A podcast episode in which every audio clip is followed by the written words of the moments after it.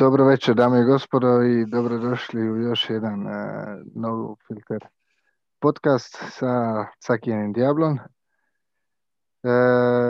evo, za početak ćemo odmah e, izraziti saučešte obitelji Krančar e, na nedavno preminulom legendi Cici Krančaru.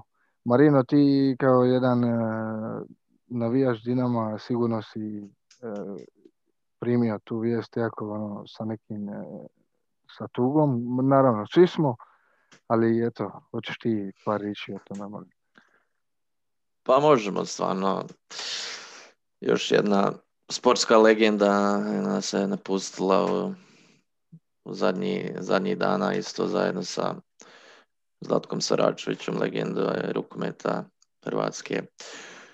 Ma, šta da kažem, Cico je, nisam, znao sam da, da je bio bolestan i sve to, ali ali eto, to je sve tako nekako brzo prošlo i nažalost nije više sa nama. On je kao igrač sad nam je malo teško pričat zato što ga nikad nismo, zato premladi smo da, da smo ga ikad gledali da. kako je igrao i možemo sigurno čitati i slušati uh, oni ljudi koji su imali sreće da ga gledaju, da je stvarno bio jako dobar uh, igrač uh, sa 17 godina, znači je debutirao sa Dinamom i osvojio je prvenstvo Jugoslavije sa Čirom Blažovićem 82. nakon dosta godina gdje nije Dinamo bio prvak države. Mislim, imao je, imao je dosta, sve imao je tu tehniku, brzinu, lakoću me dao go, znat, dat go. Um, kasnije isto otišao u Bečki Rapid isto i sigurno je dao tamo isto jako puno golova, preko 100 golova ja mislim e, u to vrijeme i tamo isto e, legenda. Ali... 106, 106 u Rapidu u 201 utakmicu. Tako je. I sve... Jako, jako dobar uspjeh.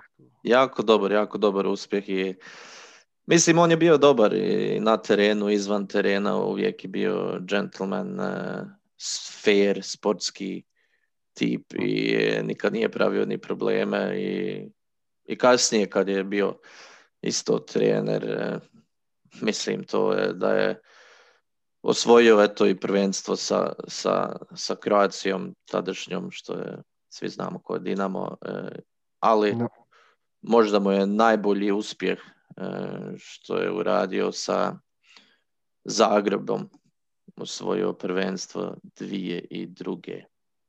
I, i tada mislim i, i Dinamo i, i Hajduk bili su, bili su jaki, ali imali su isto i dobri igrači kao što Ivica Olči, Senan Ibričić Da, bilo je tu dobra ekipa. Ne? Bila je tu jako dobra ekipa, tako da...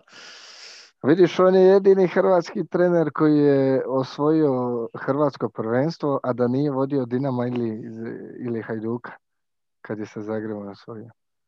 Vamo s Rijeku, on je ovaj Slovenac, jel da? Yeah.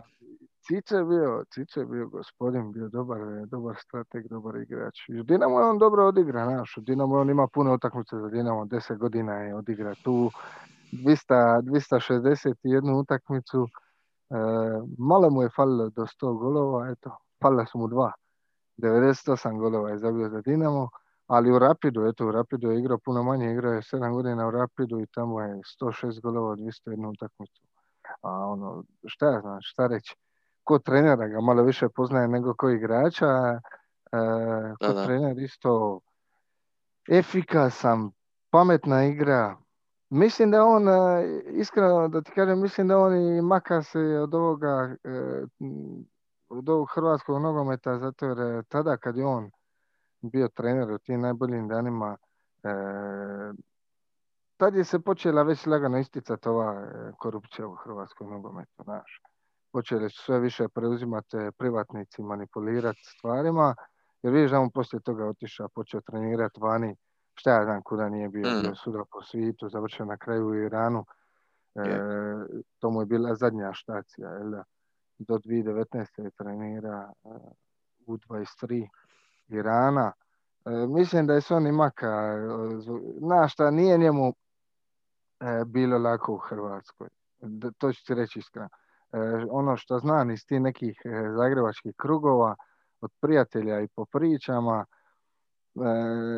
Cico je volio i u kafanu srati, znaš. Bio uvijek gospodin, džentlmen, volio je srati u kafanu i onda baš po tim kafanskim pričama se ono dosta toga zna. E, nije mu bilo lako. E, Cico je da sve za Dinamo. Baš je da sve i on je, bože moj, pa on je ikona Dinama i dan danas. To je jednostavno ikona Dinama, taj da život za Dinamo. A Dinamo se na neki način, baš zbog toga pustog lepovluka, e, nekako nije najbolje iskazao povratno, na primjer, eto to, kad je Niko bio, isto bilo je tu isto džumbu sa Snikom, na mm. kraju Niko šta napravi, ode u Hajduka. Cici, nije, sigurno da njemu nije, ovaj, nije to što je on otišao u drugi klub, nego Cici ko jednome čovjeku što je živo da za Dinamo i najvećem Dinamovcu, e, kužiš, ne, di ćeš ići u Hajduka. Ti iđi u pizdu mile matere, di god hoćeš.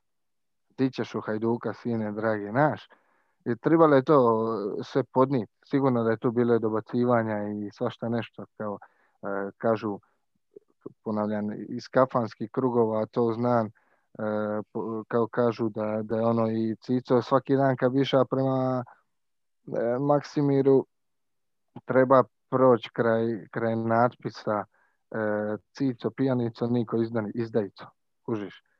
I dalje čovjek nije nikad reka rič protiv Maksimira, protiv Dinama, protiv uprave. On nikad, e, čak i kad je bio trener i kad je prestao s ugovorima i nakon svakakvih nekakvih uvreda je bilo sigurno, nikad čovjek nije e, odgovorio lošom rič. To samo pokaziva ko je to ljudina bio, ko je to gospodin bio. To je bio baš kao što si rekao, džentlmen, teški. Tako da, e, baš mi je žao toga čovjeka. Znaš, baš mi je od toga čovjeka e, siguran sam da je zaslužio više e, i od e, strane grada i od strane uprave kluba Dinamo.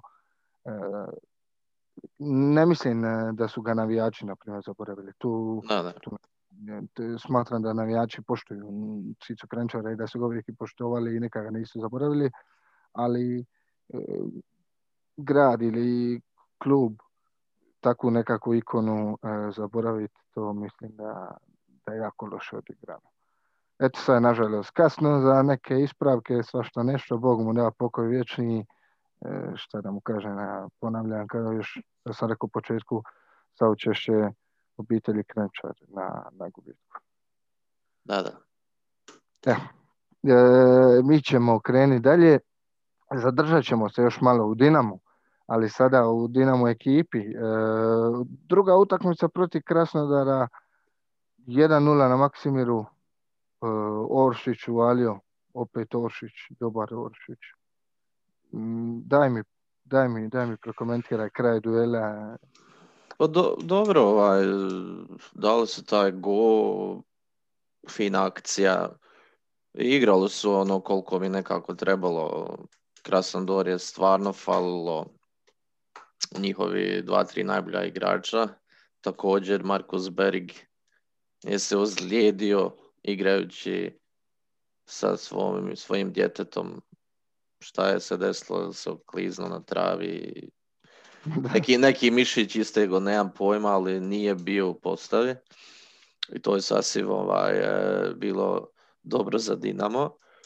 E, tako imali su kontrolu, nikad nisu, ajmo reći, Rusi bili nešto jako opasni ako su imali jednu ili neke polušanse.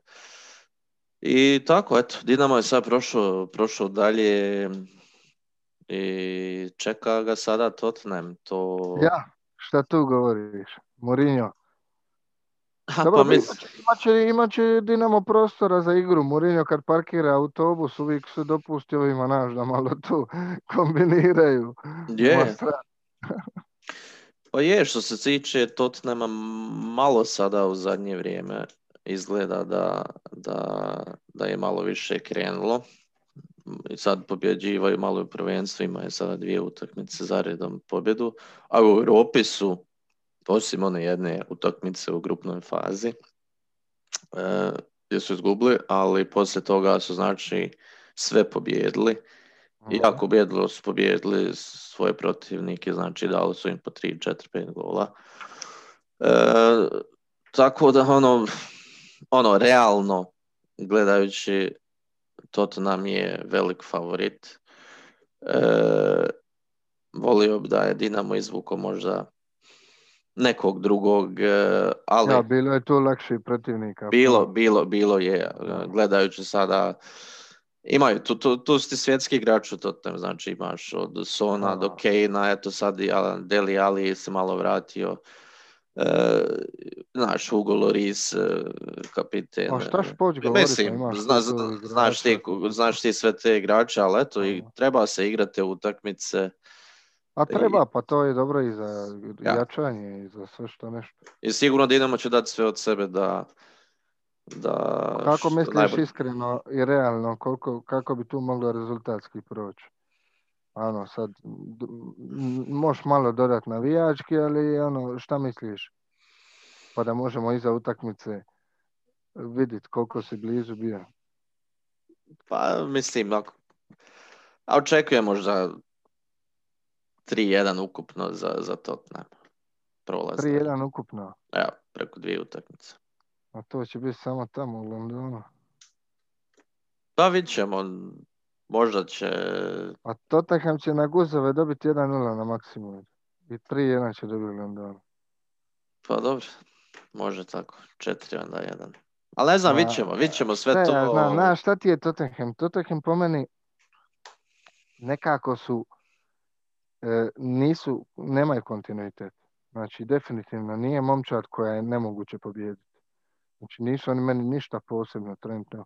E, jači su mi bili sa početina nego što sa Mourinho. E, Tottenham je ekipa koja odmah u petoj brzini te napadne prvi 20 minuta. Ako se ti tu uspiješ obraniti, super si.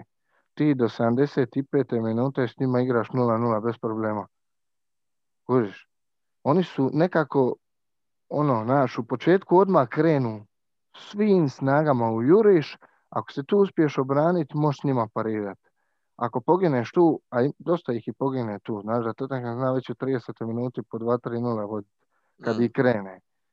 Zato ti govorim, on će sigurno ići pripast Dinama na taj način, da će ići napast odmah juriš svim snagama, Dinamo nek se obrani tu prvi 15-20 minuta, onda se već može uspostaviti malo laganija, e, sporija igra, da se tu naš, da nije opet tempo visok i onda sigurno bi se moglo nešto. Ali sad samo pitanje e, koliko, koliko će jako ovi udariti u početku i koliko će se dobro Dinamo tu postaviti, znaš. Jer opet, se- nemoj ti zaboraviti da tu puno e, engleskih igrača. Znaš kakvi su englezi? Njih ono, malo jače trzneš to već skriči to hitnu zove. Mm. Znaš, e, to se da u duelima se da riješiti sa englezima kad igraš. Prvi 10 minuta jak u duele da ih boli do kralježnice. I onda oni malo olade i svi ono malo su oprezniji i, i laganija igra. I onda sigurno naš nemaš pet napada u 10 minuta nego dva napada. Kužiš? E, mislim da bi na, onda na tu neku foru Dinamo mogao e, nešto izvući. Nikad ne znaš, ali, ali trenutno ono, kad vidiš ti ta imena na papiru, joj, pa to je velika razlika. Pa onaj Je. Harry Kane je vrijedan kod cijeli Dinamo. Tako je. Ja, Mislim, mora, moramo biti... Tako je kako je, mislim, sretno, e, puno sreće Dinamo želim, ono, sigurno da je bilo lijepo da izbace jednu momča ko što je Tottenham. A, Nema ništa, nema ali, bilo bi lijepo, Mm, sretno je, bit će kako bude. Balon je okruga, nikad ne znaš. nikad se ne zna. Tako. Ne. Mm. Reci ti meni, hoćemo mi dalje na, evo, će promijeniti malo sport. Ajmo. E, bilo je dosta rukometa zadnjih dana, tamo smo završili sa, sa, sa prvenstvom, di, di se nismo baš nešto, ajde ono, bilo je kako bilo. E, Super je bilo na kraju i kako, s obzirom kak, kakvu smo momčad imali, jel, ko nije išla. Ali evo sad kreće e, turnir e, kvalifikacije za olimpijske igre. U Francuskoj se igra Hrvatska, Francuska, Portugal i Tunis. Majka na jedna. Mm.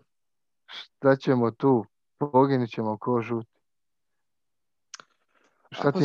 A slušaj, nezgodna je grupa, sasvim Uf. sigurno. Francuzi su pokazali opet zube nakon katastrofalne igre prošle godine na Evropskom prvenstvu, e, gdje su ispali u grupi. E, Portugal je onako pokazao zube na Evropskom ven- prvenstvu prošle godine i na ovom svjetskom prvenstvu isto u Egiptu isto malo im je falilo da, da dođu i prođu do polufinala. A, a Tunis je ono tradicionalno afrička zemlja koja je Jedna od najjačih, da. jedna od najjačih. Tako da, e, što se tiče hrvatske reprezentacije, e, može se reći eto, da, da nisu rezultatski tako imali uspješan turnir, ali moraš gledati isto da u zadnji, ajmo reći, eto, skoro 20 godina, da, da su u vrhu svjetskog rukometa i skoro svaki put uđu među najbolje četiri reprezentacije. Znači, Dobro, pa ima tu, ima, pa ima Hrvatska potencijala i u mlađim ovim e, nadama. Evo ti ovaj mali, što, mislim mali, što je bio sad s njima na prvenstvu, Marinović, Martinović, kako se zove? Mm, Vidio ti, pa, e, pa i ona je opasan, igra super, ono je mlad dečko, tek je ono prvi put je s njima, sigurno da, da to nije, da on nije mogao pokazati sve što, je, što bi on htio pokazati. Ima, ima i kod nas mladih, ono, malo smo isto kaskali sa golmanom, e, nismo imali najbolje golmane, e, mislim kad ti jednu utakmicu sa Danskom primiš koliko, 37-8 golova su nam dali, koliko. Mm. Pa šta i- ideš, šta, šta ćeš govoriti? Šta ćeš ti govoriti? Pa takav utakmica treba završiti, to, to završava 22-22. Pa sjećaš se kad igraš sa Španjolcima tvrdu utakmicu, pa to završi 22, 21, 24, 23, ne ide to preko 25 nijedna. A ovi nam je daju 38 golova. Pa, golmani ti imaju postotak obrane 8%. Šta ćeš ići govoriti? Pa baš tako što kažeš, ono, tu, tu su imali utakmicu, znači Katar je bio pobjedio Argentinu i imala Da, i Hrvatska da. Prilika, znači da, da prođu dalje, da pobjede Dansku koja je osigurala, znači, e, svoje mjesto u polufinale prije te utakmice.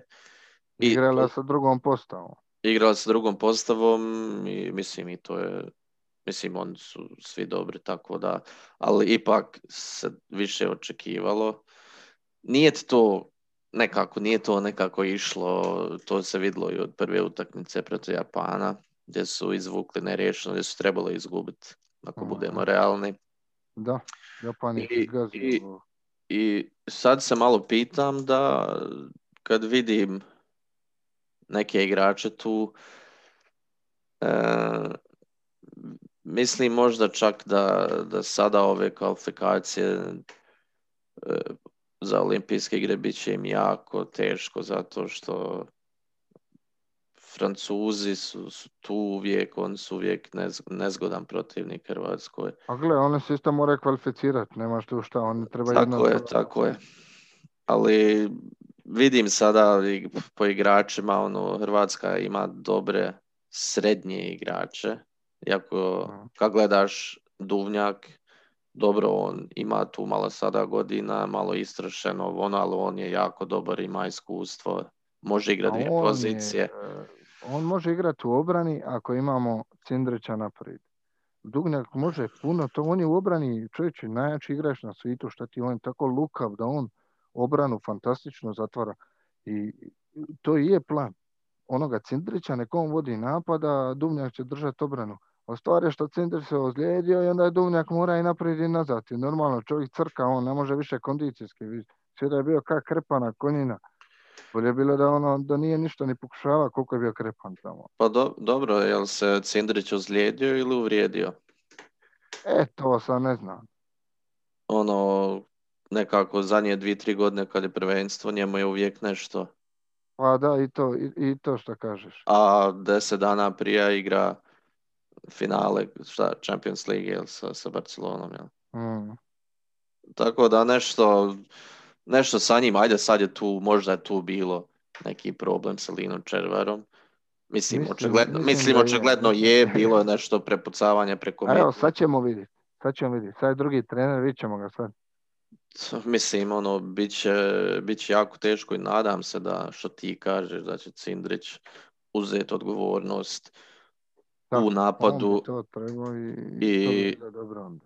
Ali nemoj zaboraviti isto Igora Karadžića koji Pa to, jako- pa to sam ti htio reći, da. Pa im- kad imaš e, naše sve spremne, koji su bili ono doslovno svi ozlijeđeni, e, Cindrića kad imaš, kad imaš Igora Karačića, pa, pa ti dođe Luka Stepančić, koji je bio ozlijeđen, nemoj to zaboraviti. Onda imaš ovoga maloga Martinovića sada koji je tu drugi izbor, dok se Luka, pa imaš i Luku Šebetića koji je isto dobar igrač, mora se malo opustiti. Tamo desno vani, mislim da smo, da smo malo da kaskamo. E, tu mi je Karačić super i bio onaj Mandalinić je bio fantastičan i onda odjedanput ga nema ništa. Šta ja znam, tu možda trebamo nekoga još. A mi- mislim, mi, mi tu biti imamo Mamića, ali ovaj, mislim da je Mamić isto da ko da ima ono ko, meni to nekako izgledalo ko da je Lino previše, previše izbaciva bijes na njih. E, kad naprave pogrešku, on toliko, na šta, ja osobno e, smatram da nijedan trener ne bi trebao prebacivati igraču e, krivnju u, u sred utakmice.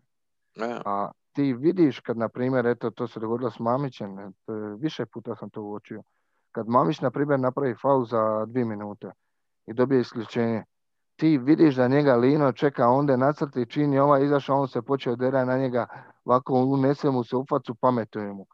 Pa ne možeš ti ići pametovat e, igraču usred utakmice, ti normalan. Pa ne može on svoje misli sad fokusira na tvoj bijes i tvoju svađu. mm, On se mora fokusirati na utakmicu.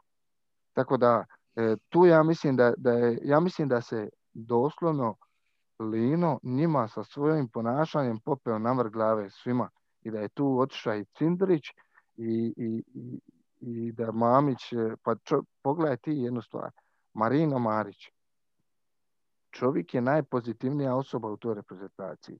Kad je taj maut, ti uvijek vidiš kako on motivira tu momčad, kako on baš ono pravi lider naš, diže moralno momčad kompletno. Ovaj put Marina Marić neće ka- da kaže rič. Nešto tu ne štima. Tu je Mm. nešto, at- atmosfera u reprezentaciji je bila katastrofa. I ja mislim da je to ovo linino izbacivanje bijesa na njih. Vidiš jednostavno da on, on, stane njima pizde tamo usred utakmice. E, kako si to napravio? Si ti normalan? Šta radiš? Ma daj čovječe, o čemu pričaš? Pa neš ti njemu sad tu držati predavanje usred utakmice. Daj pričaj kako će poboljšati svoju igru kad se vrati nakon dvije minute. Sad je to gotovo. Ne možeš ti vratiti sad e, to isključenje. Kužiš, mislim da je Lino se bio pogubio skroz, iako ono, to je ikona hrvatskog rukometa, E. njemu čast na svemu, e, njegove zasluge mu niko ne može uzeti, ali, ovaj, ali mislim da je se pogubio, da je se pogubio u kontroli i, i sad ćemo vidjeti. Promijenio se izbornik, evo sad ćemo vidjeti kako će to funkcionirati. Je li bilo doline ili je nešto drugo. A vidit ćemo sigurno tako da, mislim, e, što se tiče falilo je Luka Stipančićev puno falio reprezentaciji, njegov, ozl- Definitivno. njegov ozljeda, ono, nažalost čujem da je se opet sad ozlijedio i mislim da neće mo- da može Hrvatska računati na njega sada u ove kvalifikacije isto. E, ali mora malo gledati realno, ono, na, na desnim krilima isto Kristijane Čupić, Horvat, njih dvojica imaju skoro koliko, 75 godina zajedno, stvarno. Da, da. E, A Čupić počeo igrat, pa Čupić počeo igrat vanjskoga, daj što ti. Tako je. Pa igra i u klubu vanjskoga, neki dan sam ih gleda.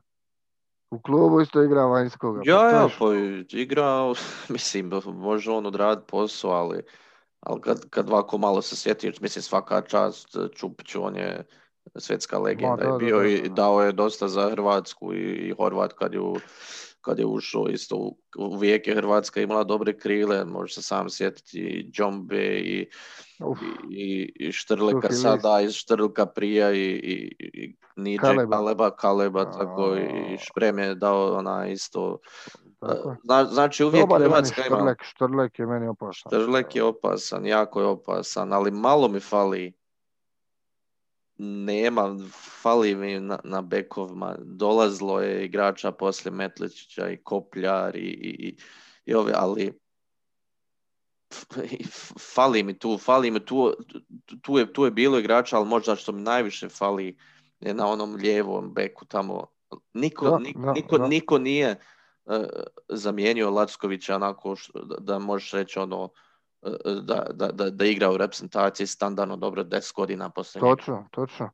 Ovaj Mamić, Mamić ima potencijala, ali mislim da isto bilo tu nešto neke e, osjećajne svađe, nešto. Mislim da će, da će Mamić sad isto proigrati. On je opasan, on je ogroman, jak je, pa vidio koji je on čudo igrača. Pa Mamić je ovaj, i ovaj Mandelić isto. Mandalinić, ja. Ja Mandalinić. Mandalinić ja. Meni na živce ide onaj Mandić tamo, on se bio tužio da ima malu minutažu, pa je sve više on igra manje štrlek i onda se ispremašiva, sve napravio više on sedmeraca nego cijela momčad.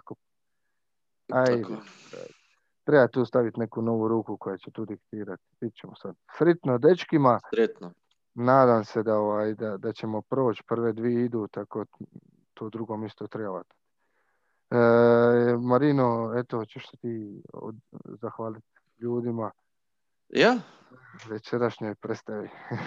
Hvala što ste nas opet poslušali i pogledali. Um, mi se opet vraćamo jako brzo iza vikenda. Um, I hvala na podršci još jednom. Um, jako nam to puno znači. Nadamo da vam, da vam je fino što slušate i gledate. I hvala Marku Livaj. Eto vas lipi moji živjeli nam.